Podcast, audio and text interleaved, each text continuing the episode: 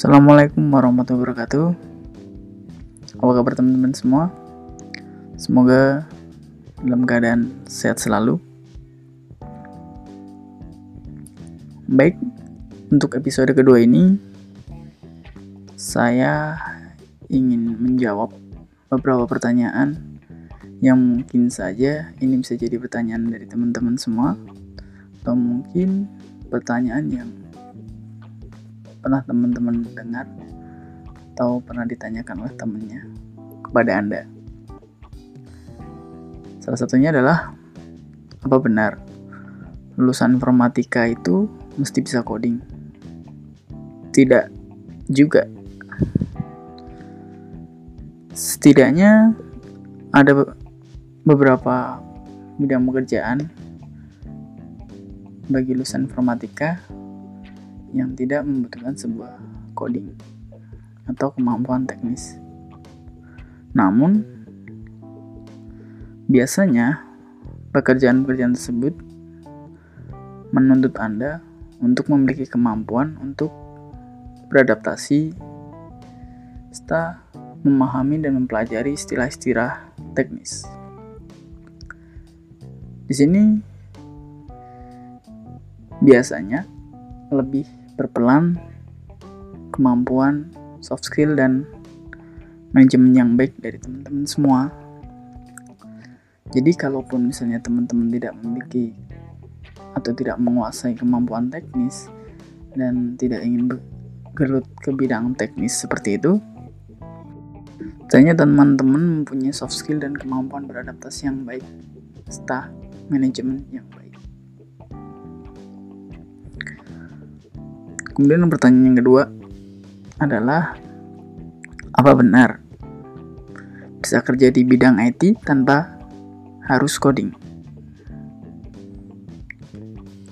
Senada dengan yang pertanyaan pertama, jawabannya iya. Ada banyak pekerjaan yang sekali lagi tidak harus membutuhkan coding. Salah satunya adalah seperti technical writer, QA testing, kemudian bisa jadi sebagai UAT, user acceptance testing, kemudian bisa juga sebagai project manager, bisa juga sebagai UI designer, atau sebagai UI UX pekerjaan-pekerjaan tadi tidak bersentuhan dengan dunia coding.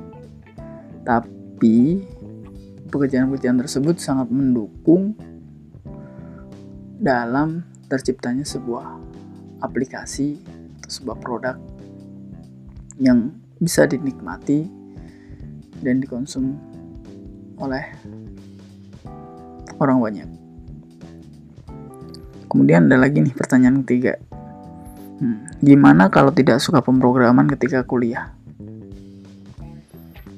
Hmm, jawabannya sih itu tidak masalah. Tapi setidaknya Anda pahami dasar-dasarnya. Itu cuma sebatas buat kalian untuk lulus dari mata kuliah tersebut. Namun, masih ada tugas berat yang harus Anda selesaikan. Yaitu adalah anda harus mencari tahu apa yang Anda suka dan apa yang menjadi passion Anda. Dan itu bisa Anda gunakan untuk menentukan cita-cita Anda ke depannya.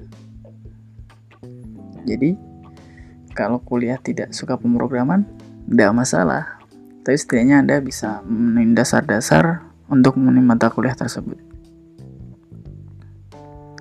Kemudian ada lagi nih pertanyaan. Gimana kalau ngerasa salah jurusan pas lagi kuliah? Menurut saya ini sebuah pertanyaan yang rumit sih. Kalau misal masih awal-awal kuliah, mungkin teman-teman bisa-bisa aja pindah jurusan atau cabut dari kampus tersebut. Tapi ini akan jadi sesuatu yang susah kalau misalnya udah di tengah masa perkuliahan. Awal-awal kan biasanya kuliah itu masih pelajaran-pelajaran umum bahasa atau matematika gitu kan. Dan biasanya di tengah itu baru mulai menuju pelajaran-pelajaran yang ke arah teknis ke akademisnya. Nah di situ mungkin ada orang yang rasanya aduh kok susah ya terus saya ngerasa salah kuliah. Itu nggak masalah.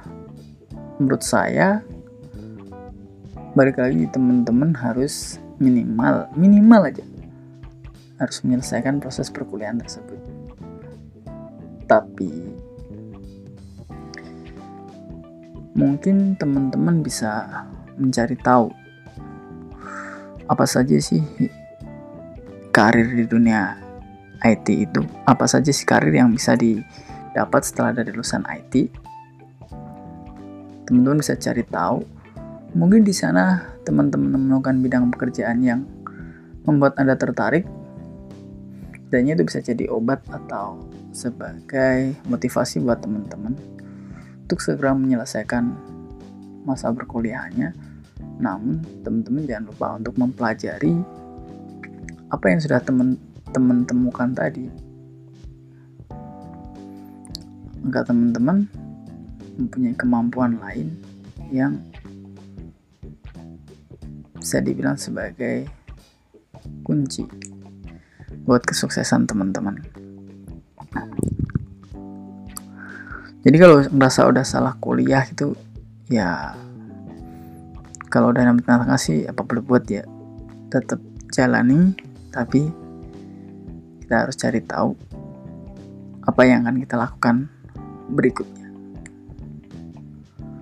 Oke, mungkin segitu saja hmm, pembahasan dari saya dan jawaban singkat tentang beberapa pertanyaan yang mungkin pernah ada di benak pikiran Anda atau pernah ditanyakan oleh teman atau saudara atau siapa pun.